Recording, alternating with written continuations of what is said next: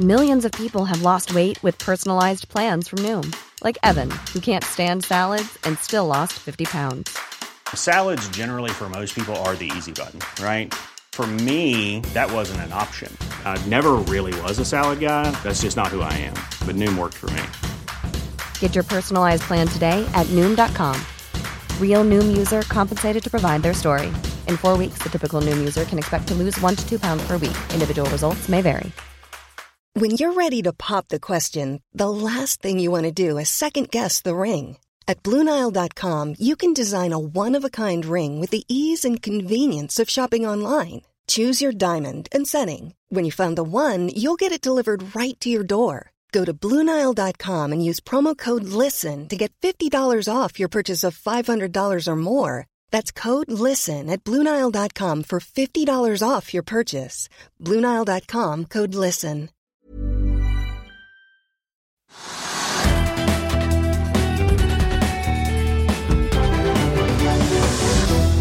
Riktig god mandag, alle sammen. Du ser på Økonominyhetene, og vi sparker i gang en ny uke i det kalenderen viser 27. februar, og altså innspurten i årets andre måned. Vi skal oppdatere deg på hva som skjer i markedet, og vi skal varme opp til det som blir en energitung uke, for to av landets ledende meglerhus arrangerer denne uken store konferanser i Oslo. Sparmarket Markets sparker i gang på onsdag og torsdag med sin årlige energikonferanse, men før det så er det duket for Parietto store kraft- og fornybarkonferanse, og dagen før dagen så får vi besøk i studio av får vi si, verten og meglerhusets kraftguru Lars Ove Skorpen, som skal gi oss et innblikk i hva som rører seg i bransjen. Men la oss titte litt på markedet akkurat eh, nå, for det har gått langt bedre enn både DB Markets og Nordnett turte å håpe på, basert på futuresene i morges. Hovedindeksen her hjemme er oppe en 1,1% så langt i ettermiddag, etter altså bråbremsen vi fikk fredag ettermiddag med de amerikanske inflasjonstallene fra PCE-indeksene, som altså viste en prisvekt godt over det som var ventet, og som også sendte Wall Street ned til sin verste uke så langt i år. I Europa i dag grønt jevnt over ser det ut som, og særlig her i Norden, hvor alle børsene unntatt København er opp over prosenten. Også CAC 40 og dagsindeksen i Frankfurt og Paris også solid i dag. Begge er opp halvannen prosent omtrent. Futuresene på Wall Street peker også opp eh, mot en oppgang eh, da i dag i USA på rundt halvprosenten, og det ser ut til at teknologibørsen Nasdaq vil eh, lede an av de tre store indeksene der borte. Oljeprisen litt ned 0,4% på spotten, i hvert fall på nordsjøoljen, til 82,50. Den amerikanske lettoljen ned en drøy halv prosent til 76 dollar fatet. Og så er det noen av nyhetene som har vært å få med seg. Kryptoselskapet DLTX, der toppsjef eh, Thomas Christensen altså har varslet sin avgang i morgentimene. I tillegg eh, til at selskapet også slapp eh, kvartalstallene. En av dagens store tapere, får vi si. Den har vært ned over 20% ligger ned nå 14,3% Selskapet tapte altså 14 millioner dollar i fjerde kvartal, og aksjen er jo da mer enn halvert det siste året. Tomra fortsetter også nedover etter sitt tallslipp på fredag, som sendte aksjen ned 3,5 I dag ser vi at tommelen er ned nye drøye 4% Og så må vi også innom Okeanis IK Tankers. Flere meglerhus har høynet sine kursmål på rederiaksjen. Men ingen går så langt som ABG Sundal Colliers Petter Haugen. Han mener aksjen skal opp til 423 kroner, som altså gir en oppside på rundt 70% fra dagens kursnivåer. Okeanis opp en drøye 2 i dag, og har, hvis vi da trekker historikken tilbake til januar 2021, steget nærmere 350 i denne tanksyklusen. Og uh, Ifølge Haugen i hvert fall, så skal 2024 bli enda mer spinnvilt enn det vi har sett uh, nå. Vi har jo diskutert Rexilicon mye i sendingene våre, der vi jo går og venter på nyhetene om refinansieringen av lånet som forfaller over påske, samt flere detaljer om hvordan de skal finansiere gjenåpningen av fabrikkanlegget i Moses Lake i USA. Ledelsen i REC vil jo ikke si noe om detaljene i denne store offtake-avtalen de har inngått med sin største aksjonær Hanva Solutions, men Arctic analytiker Daniel Stenslet har regnet eh, på verdien, og han mener at det impliserer eh, en kjøpsanbefaling på REC Silicon. REC er opp en drøye 2% i dag. En makronyhet som også er verdt å merke seg. SSB er ute med detaljhandelstallene for norsk økonomi for januar, som overrasker de også. Vi så da en oppgang på 1,3% i detaljhandelen i januar. Det var ventet en oppgang på 0,9, og dermed slår nå utviklingen full kontra fra desember, da vi så en nedgang på 3,6% Det er dagligvarer som ifølge SSB er den store bidragsyteren. Og da kan vi selvfølgelig da peke på prisøkningen i pris prisvindu 1.2, som jo ble mye diskutert i media. Men ifølge SSB så er det også interiørartikler som bidrar til mye av utviklingen. Detaljhandelstallene samt andre utviklingstrekk, bl.a. rentenivået i markedet, gjør at Handelsbanken i dag er ute med en oppdatering hvor de skriver at de nå venter renteøkninger på løpende bånd fra Norges Bank, mer enn det vi har trodd eh, tidligere. Og de sier at de nå legger til grunn renteøkninger fra Ida Wolden Bakke i mars, mai og juni, samt i september. Noe som altså vil løfte styringsrenten fra dagens nivå på 2,75 til 3,75. Og ifølge Gonsolt Hov og kollegaene i Handelsbanken så kan vi altså ikke regne med noe rentekutt fra Norges Bank før ut i midten av 2020. 2024. Før vi kjører videre, så vil jeg bare minne om at hvis ikke du rekker å se denne sendingen, så kan du også høre den å søke opp Økonominyhetene på Spotify, Apple Podcast eller ved å gå inn på fino-podkast. Og Hvis du gikk glipp av dette aksjonærbrevet i helgen, så tenkte jeg å nevne Berkshire Hathaway, for oraklet fra Omaha er ute med resultatene for 2022 og altså hans årlige aksjonærbrev. Det er lange 92-åringen Warren Buffett også ut mot kritikerne av tilbakekjøpsprogrammer, som han mener enten er økonomiske analfabeter eller bare populister.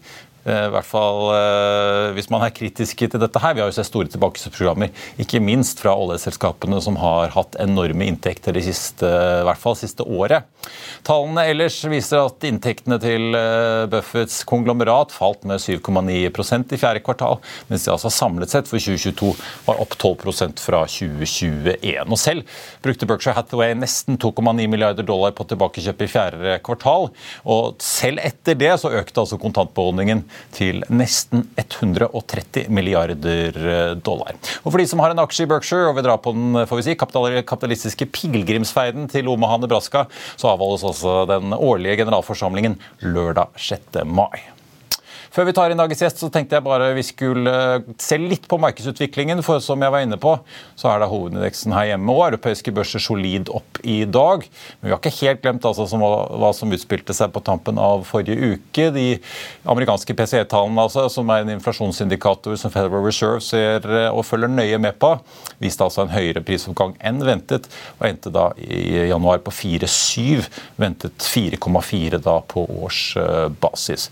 Dette resulterte Eh, i at vi fikk en god brems på tampen av uken med alle de to, tre store indeksene endte da ned rundt 3% og avsluttet det som altså var Wall Streets dårligste uke så langt i år, med en dollar som styrket seg, og en spread da mellom statsgjelden i USA på hvert fall to- og tiåringene, hvis vi ser på de, som stadig øker og når nye høyder. Vi så toåringen starte på 4,69 fredag, spratt opp til nærmere 4,85, mens tiåringen hoppet fra 3,86 til ca. 3,96 da etter at PCE-tallene var eh, kommet. Og Her er orkanvarselet får vi si, som aksjekommentator Karl Johan Månes kom med på Børsmorgen i morges. Nå begynner det skje ting. Nå begynner liksom det eh, I USA så har man jo eh, alle har jo opplevelser med hurricanes hvor du liksom får første, første delen av hurricane. da. Forvarselet, ja. For den, den, fronten den er brutal, og så kommer en stille periode, eye of the hurricane, og så kommer den uh, ja. backend. da, Det er den som knuser det. Nå er vi i ferd med å gå inn i backend, og eh, forstår seg på det som Mohammed Al-Arian sier, at man skulle jo bare fortsatt ha økt med 50 basispunkt hver eneste gang. Ja. fordi at da ville man fått enda høyere renter, og man fått mer våpen til å senke den senere.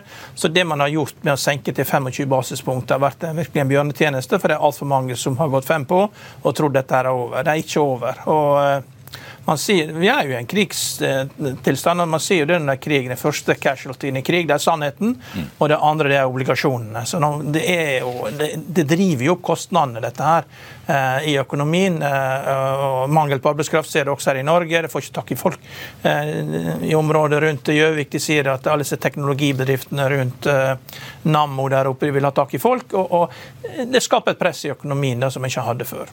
Ja, for jeg merket meg i disse talene, En ting er jo prisindeksen man får fra PC, men uh, det er jo også altså, uh, Hva skal man oversette som? Personal consumption. Altså forbrukernes pengebruk. Ja. Overraskende sterk også. Det er jo også på en måte noe man må lese inn i totaliteten her, over hvor sterk økonomien er og hvor mye folk egentlig har å gå på. da, Så begynner man jo å lese om sparerater som har gått i minus. og ja, men... Det virker jo som liksom husholdningene holder ut. Du har hatt en periode der du har sluppet å betale renter og avdrag på studielån og en del sånn Du har kunnet erklære forbearance, da, så du har hatt en periode. Og det begynner jo å gå ut nå. Så ja. eh, nå er det slutt på moroa, liksom. Da må man begynne å betale avdrag og renter på en del lån. Så det, det, er et stort eksperiment, dette her, og nå kommer regninga. Og eh, dessverre så eh, og, og, Problemet er jo også det at de, de, største aksjene i USA er jo helt latterlig dyre. ikke sant? Så eh, Tech-aksjer som Nvidia og eh, ja, de fleste andre også. Det var vel P100 var det ikke det vi snakket om ja, her i forrige P100 ja. og Price Cashflow 50 og på fallende earning. Så der, Eh, så det kan godt ta en sektorrotasjon at andre aksjer gjør det bedre enn de, men jeg tror det at man må være forberedt på at indekser går ned. For her, det, varer aldri, dette her. Eh, vi husker jo godt det fra eh, TMT-bobla. Nå er ikke dette her akkurat det samme, men du har hatt en sånn kunstig syklus hvor du har hatt en Du, du, du, har, kjøpt mye, du har kjøpt for mye utstyr, det gjorde fram til Y2K. For da trodde at alle trodde de skulle ha nye computere. Under pandemien så trodde alle de skulle ha nytt utstyr. Og, og det er klart når du kommer ut på den andre sida, så er det mye mindre etterspørsel. Eh, og bilforhandlere, jeg hørte nå Ford måtte senke prisene ned til eh, det, det, er ikke noe tillegg lenger på MRSP. Og, altså, vi er nå i ferd med å komme inn i en slags normalisering, men dessverre så skal det lenger ned før du finner dette. her. Så det, det er en tøff økonomi vi går inn i etter å ha vært litt for mye litt for mye ja, Det er litt for mange nullrenteselskaper som har fått lov til å overleve altfor lenge. I'll see you in court. Vi sier det ofte litt på spøk, men for deg som driver business, er det aldri moro å innse at du ikke har laget en 100% gyldig kontrakt. Du bør ikke risikere hele firmaet ditt fordi du synes dette med kontrakter er litt stress. En avtale er ikke en avtale. Du kan miste kunder, miste venner, ja, til og med miste inntekter om du ikke lager en skikkelig kontrakt, på alt mulig, egentlig. Men vi vet det er et styr kopimaskiner, tregprinter og haugevis av papir. Dessuten stoler vi jo på folk her i landet. Det er ofte litt kleint å skulle be om en signatur for alt mulig, ja, for mye av styret handler også om jakten på underskriften. Det finnes en enkel måte å løse dette på, Dukkobit, en trygg, effektiv og get this, gratis måte å sikre seg en god natts søvn pluss en juridisk bindende avtale. Dukkobit-appen har de strengeste sikkerhetskrav i bunn, samt en EU-godkjent og sertifisert teknologi. Framover vil det bli behagelig å spørre du, skal vi skrive under på det, eller? Kom i gang på dukkobit.no. Da kan jeg ønske velkommen til dagens gjest, som altså har fått eh, det som får vi si, kryper og går av topper innen kraft og fornybar til å samle seg i Oslo i eh, morgen. Velkommen, Lars Ove Skorpen, direktør for kraft og fornybar i Pareto. Takk skal du ha. Det er jo det store showet dere har på høsten for olje og gass og offshore. Eh, men på våren er det din tid til å skinne. Ja, det er riktig. det er riktig. For du samler mange hundre folk ja, på Aalbergs plass på Radshotellet i morgen. Nå tror jeg vi blir et sted mellom 700 og 800 deltakere i morgen. Ja. Jeg tenkte Vi må nesten begynne litt med det er, det er, jo så mye som skjer i denne bransjen, egentlig. Sist ja. vi snakket sammen, var på Statnetts eh, høstkonferanse. Da var du ganske åpen på at med de skatteendringene yes. som har kommet, så er det en del Uh, altså Ikke selskaper som sådan, men disse selskapene som er satt opp som eier vindparker mm. i Norge, går sannsynligvis konkurs med de skatteendringene som uh, kommer nå.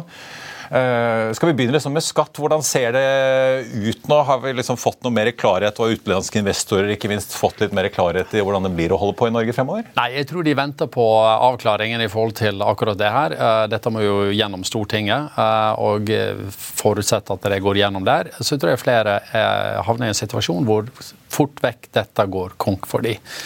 Fordi de får høy skatt, men ikke får fradrag Rett og slett at vært, staten kommer til å ta 40% av kontantstrømmen din. Ja. Eh, dette er finansiert med gjeld og alt sammen. Det er et fond som på en måte har skutt inn penger. De kan ikke bare si til eh, det investorene at nå skal vi ha mer penger før vi holder på å gå konkurs her. Så, så vi har snakka med flere som sier at eh, mest sannsynlig så går det konkurs. Fordi, ja, De har rett og slett høyere renteutgifter og avdrag enn det som ja. da de blir sittende igjen med selv etter skattesystemet. Ja. Så det er jo i realiteten en konfiskasjon av 40% av kontantstrømmen vi ser her nå. Og det får på en måte da tilbakevirkende kraft på vindparker som egentlig er finansiert, og også inngått langsiktige eh, kraftprisavtaler på ikke spesielt høye priser. De nyter egentlig ikke godt av de høye prisene vi ser der i dag. Nei. Nei, for Man pleier jo å få fradrag på gjelds... Det gjør du ikke her. Nei. Interesting times, for å si det. Og så I tillegg så har vi jo da, som mange har sett på nyhetene i dag, eh, demonstranter eh, nede i Olje- og energidepartementet som blir hatt vekk av politiet. Som prøver å pushe på for å få en beslutning fra OED på hva som skal skje på Fosen. Norges, det er vel Norges største Ja, 1000 megawatt, så det er vel det største, det er helt klart det største i Norge. Her er det Statkraft, ja. Aneo, Hightech Vision og Ja. Trønder Energi samt et par utenlandske Ja, fond. så vidt jeg noen sveitsiske Ja. aktører. Fordi Høyesterett har sagt at eh, den utbyggingen den er ikke i tråd med urfolks rettigheter. OED er veldig stille om hva de skal gjøre med dette. her. I verste tilfelle blir de kanskje revet for disse som har bygget dette her. Men er dette også noe som liksom skaper mye usikkerhet blant investorer, eller er det en sånn enkeltsak? Nei, jeg tror eh, Det er jo for så vidt en enkel sak. Jeg tror vi aldri kommer til å havne der igjen hvor vi på en måte taper Høyesterett. Eh, Det er jo NVE som først gir konsesjon, og så blir det veldig ofte anka til OED. Eh, Og jeg jeg tror OED heretter kommer aldri risikere å havne i en situasjon hvor på en måte Høyesterett overprøver et vedtak derfra. Så jeg tror dette er en enkel sak, og jeg tror ikke det blir revet ned. Det er jo galskap. De må finne en eller annen minnelig løsning, tenker jeg på det her. Vi trenger jo mer fornybar energi, vi trenger ikke mindre. Nei, for det, Apropos eh, det da, man har skatt, man har eh, i hvert fall en høyesterettssak som skaper litt trøbbel, i hvert fall i Trøndelag. Mm.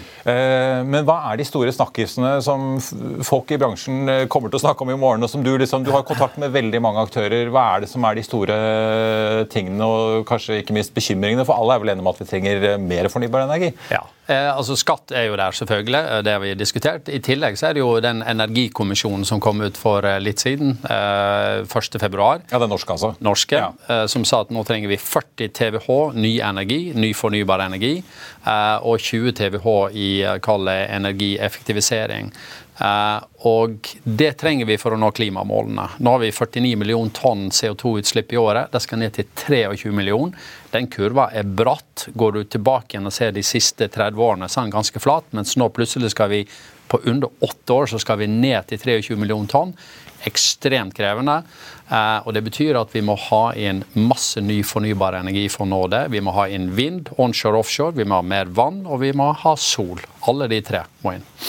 Og nå har Vi jo sett, eh, altså vi så børsnoteringen av Energeia like før jul, som skal bygge solparker på land. Vi vet jo Magnora og Alice har funnet partnere i Hafslund og Eidsiva eh, som er i gang med dette. Men eh, er, er det noen av disse hvor det er nok gass på en måte, av disse ulike energiformene og utbygging, hvis du ser rundt deg i Skandinavia? Jeg vil si egentlig ingen, eh, men vi er nødt til å gi mye mer gass. F.eks. ta de som gir, kall det, konsesjon. Eh, På flere, på, på Sol for eksempel, så sitter det kanskje to-tre personer i NVE som håndterer dette, så de må jo staffes kraftig opp. Så dette er først og fremst politisk vilje. Er det politisk vilje til å nå eh, kall det disse målene om 40 nye TWh, og derigjennom nå klimamålene, så får vi det til. Men det er klart, det er en del krevende beslutninger som skal tas underveis. Ref nå hva som skjer utenfor OED, ikke sant, med, med protester. Og, eh, så, så det er liksom men, men er det politisk vilje, så går det. Vi har, snakket med et par selskaper den siste tiden som egentlig eh, sier egentlig ganske interessante ting. Det ene er Equinor og den andre Cloudberry-sjefen som vi hadde besøk av her for ikke så lenge siden. Fornybarsjefen i Equinor, Paul Eitreim, er helt åpen på at de har vektet seg ned i havvind. Altså, de har jo solgt unna en god del prosjekter med en pen gevinst. Men der sliter de med å finne prosjekter med nok avkastning. De har jo en, en global på en måte, portefølje de kan jobbe med, da, men, men de, det sliter de med, selv om de selvfølgelig jobber for å løfte frem både Polen og Korea og mange steder. Cloudberry-sjefen han har kjøpt seg inn i eksisterende produksjon i Danmark, for han sier at nei, Norge har jo skatteposisjonen. I vindindustrien så øker prisene på møller, og, og leveransetiden er problematiske. Så for oss var det egentlig mest interessant å kjøpe eksisterende produksjon og, og kontantstrøm. Eh, er det vind det lugger mest? For det virker som veksten i sol går unna. Jeg tror eh, det er vind det ligger mest i, og det er jo det her 'not in my backyard' som på en måte skaper det problemet. Sol er ikke vi helt kommet i gang med i Norge, men nå er det bånn gass. Du sa selv Energeia, eh, Hafslund, Magnora, Eidsiva. Og Agder, Haugaland, flere andre selskaper gir nå gass innenfor sol. Så la oss bare håpe at de møter et, eh, en, en regulator som er litt mer fleks, har litt raske beslutningsprosesser i forhold til å gi konsesjon. Eh, For vi trenger egentlig mer av alt, og vi trenger det raskt. Og sol, fordelen med sol det er jo det du kan på en måte få raskest inn. Onshore vind tar gjerne mange år i forhold til konsesjonsprosesser, bygging etc. Du kan ikke bygge på Finnmarksvidda f.eks. midt på vinteren. Det, funker ikke. Sol er mye raskere å få inn. Ja. Men eh, i denne leveransekjeden, eller verdikjeden i vind, da, vi ser jo Vestas sliter, eh, Ørsted sliter, mm. Siemens Gamesa sliter. Alle virker som alle sliter. Alle sliter. Og ikke minst på leverandørsiden. Ja. Hva tror du selv når er det dette går seg til, da? Nei, altså, Problemet var vel at de fikk høyere kostnader inn, og så har ikke de på en måte kanskje tilsvarende eskalering ut. sånn at uh, Siemens jo kjempesmell i fjor. Mm. og det er klart De kan ikke sitte og se over tid og tape såpass mye penger som det de gjør. så Det betyr at turbinprisene kommer opp. Og vi snakker vel nå kanskje 20-30% over de par siste årene. ikke sant? Før, fra vi kom ut i covid til i dag, så tipper vi opp 25-30 på, på capex på, mm. på vind. For de må tjene penger over tid. Men Klarer de å hente det inn igjen i, ja, i kraftprisene, da? Ja, altså du kan si Så lenge også nå veldig mange som kaller kjøpeturbinene, også står foran høyere priser enn de tidligere gjorde, så det betyr også at betalingsvilligheten skal være høyere. Mm. Eh, si litt om, du er jo, eller Dere er jo i kontakt med mange investorer. Eh, også så har du jo da selskaper som Equinor og Cloudberry og åpenbart holder de litt igjen. og De er ikke det eneste. Vi ser jo litt av taktene som Shell-sjefen skriver i sitt aksjonærbrev om å jakte lønnsomhet og ikke bare vekst. Men liksom investorene som skal gå inn i disse selskapene, enten det er med emisjoner eller obligasjonslån eller eventuelt nynoteringer, som vi så med Energea er liksom folk interessert i å sette penger, eller er de litt mer tilbakeholdne nå med renter som er på vei opp? Litt som sier, litt uklare uh, caser i vinden? Jeg tror de er fortsatt interessert, uh, men de er nok litt mer kresne i forhold til hva de går inn i. for F.eks. hvis du går to, uh, to, år tilbake igjen, så var på en måte høyere penger inn i, i nesten alt. Mm. Nå tror jeg det er litt, litt mer opptatt av liksom, hvor raskt på en måte kommer dette her uh, til å være positivt til EBDA f.eks. I hvilken grad er det usikkerhet hele teknologien som på en måte det her representerer. slik at uh, selskaper som har inntjening og på en måte positiv EBTA break-even langt ut i tid, blir nok straffa hardere enn de som på en måte allerede har en kall det businessmodell som på en måte gir løpende inntekter i dag. Så risikovilligheten hos investorer er lavere nå enn det var tidligere. Hva er det som gjorde at typ, et selskap som Geia de klarer å komme seg på børs? Er det Nei, altså, Fordi du, som du sier, Sol er lettere å sette opp? Uh... Sol er lettere å sette opp, ja. uh, og de har jo allerede konsesjonssøknader inne. Betydelig volum, kommer raskt i gang. Og kall det deres tid til de begynner å generere inntekter, er veldig kort ja. i forhold til mange andre. Tror du hvis... Tar f.eks. offshore vind. Ja, ja. Mest sannsynlig så får ikke vi en eneste kilowattime ut av offshore vind før forbi 2030. Nei. Så langt snakker vi fram i tid. Og det er vel i hvert fall, ja, du har jo, Nå kommer jo tildelingene av Utsira Nord og Sørlige Nordsjø 2 ja, kanskje rundt påske? Eller utlysningen, i hvert fall, formelt. Ja. Forhåpentligvis. Men det er jo altfor puslete. 1,5 gigawatt i Sørlige Nordsjø 2 og 1,5 i Utsira Nord. Det burde jo vært ti ganger så stort. For det er jo de to pluss selvfølgelig Equinor som har satt i gang sitt eget prosjekt. Ja. Eh, de er vel store nok til å kunne gjøre sånt. Trollvin. Trollvind. Ja. Det, Men ikke noe av dette her eh, kommer i drift før etter 2020? Nei, det er det som er problemet. Det tar for lang tid. Så, så, så det her er for lite, og det går for seint. Så er selvfølgelig Det er 17 konsortium som skal konkurrere om det her. Og, så, og, og det er nærmest alle du kan tenke deg kryp og går innenfor offshore vind, er på plass. Du kan si Det eneste de håper på, det er at dette her er bare begynnelsen. For Hvis det var dette de så på, så er dette her uinteressant for dem. Men det er jo forhåpentligvis at vi i 2025 kan komme tilbake igjen med på en måte mye større arealer som gjør det her interessant. Eh, men igjen, det går for sakte, og det går spesielt for sakte i forhold til at det her slår inn i miksen, slik at det betyr noe i forhold til når klimamålene i 2030. For som sagt, vi skal ned fra 49 millioner tonn CO2-utslipp, som vi gjør ca. på nå, til 23. Det er seriøst. Mye. Men er dette, ja, litt apropos, Vi har jo sett i disse, i disse vinnerlisensene som kommer i mm. Norge, så har vi jo sett eh, Det er alt fra liksom, Du har Magnora, som liksom er tross alt et mm. livsselskap, har slått sammen til Knip. Du har Statkraft og Aker, Equinor. Så du har jo egentlig hele Stort sett det som er, men, men blir dette et spill hvor det er bare de store som kommer til å sitte igjen til slutt fordi at du må ha tålmodigheten, du må kunne overleve til 2030, du må kunne få finansiering i mellomtiden? Eh, det blir fire stykker, mest sannsynlig. Det blir én i sør, og så blir det tre sannsynligvis på Utsira nord. Så det er klart det blir veldig mange skuffa som går fra den uh, festen der. Det blir som en Oscar. Ja. Uh, ikke sant? Hvor de fleste, de fleste får ikke Oscaren. men forhåpentligvis er det utdelinger om to år. som gjør at, at folk kommer igjen, da, forhåpentligvis. Men det jo, vi vet jo skottene er i full gang med å dele ut støtte og stadig areal. Britene er det jo mye Det snakkes jo veldig mye om å trappe opp i Europa også. Mm. Er det da sjanser for disse som ikke slipper til i Norge, til å gjøre ting andre steder i Europa?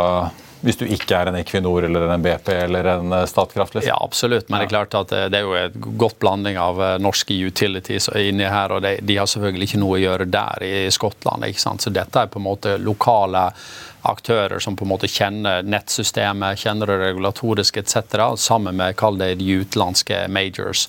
Og Det er på en måte den type aktører jeg tror vi kommer til å se her. Men som sagt, det er altfor mange interessenter, og det er altfor lite Scott igjen 25 gigawatt. Første runde så la de på et par-tre etterpå, versus de tre i Norge. Det er og blir stusslig. Så enkelt er det. Enkelt og greit.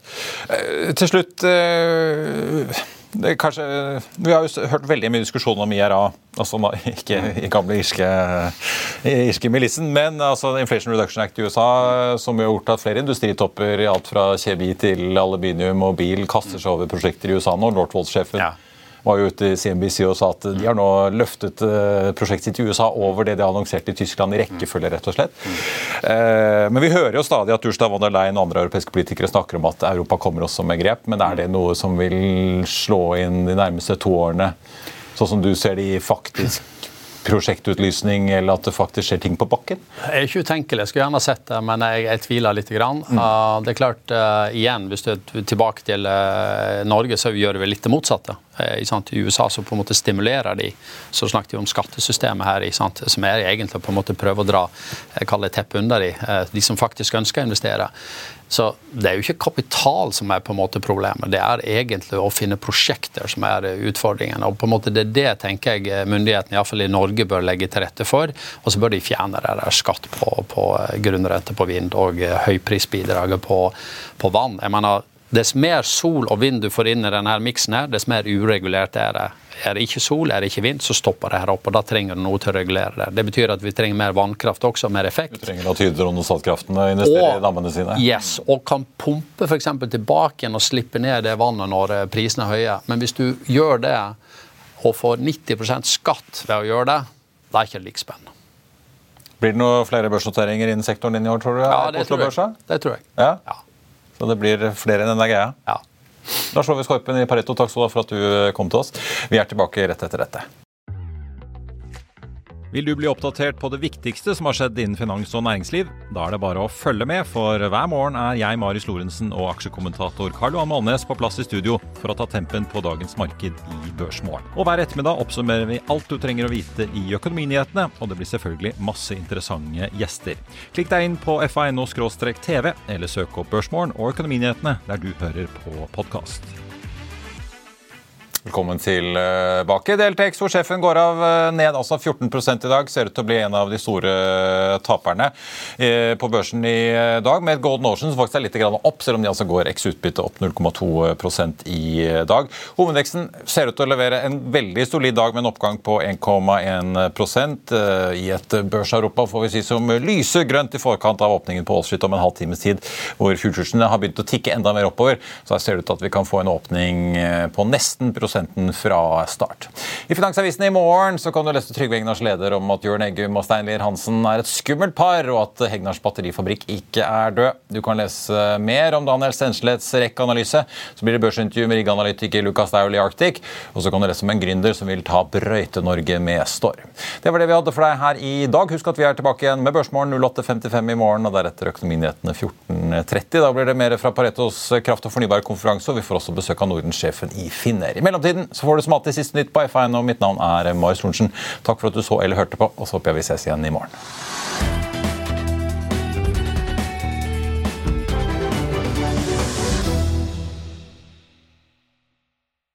Økonominyhetene er en podkast fra Finansavisen. Programledere er Marius Lorentzen, Stein Ove Haugen og Benedikte Storm Bamvik. Produsenter er Lars Brenden Skram og Bashar Johar. Og ansvarlig redaktør er Trygve Hegnar.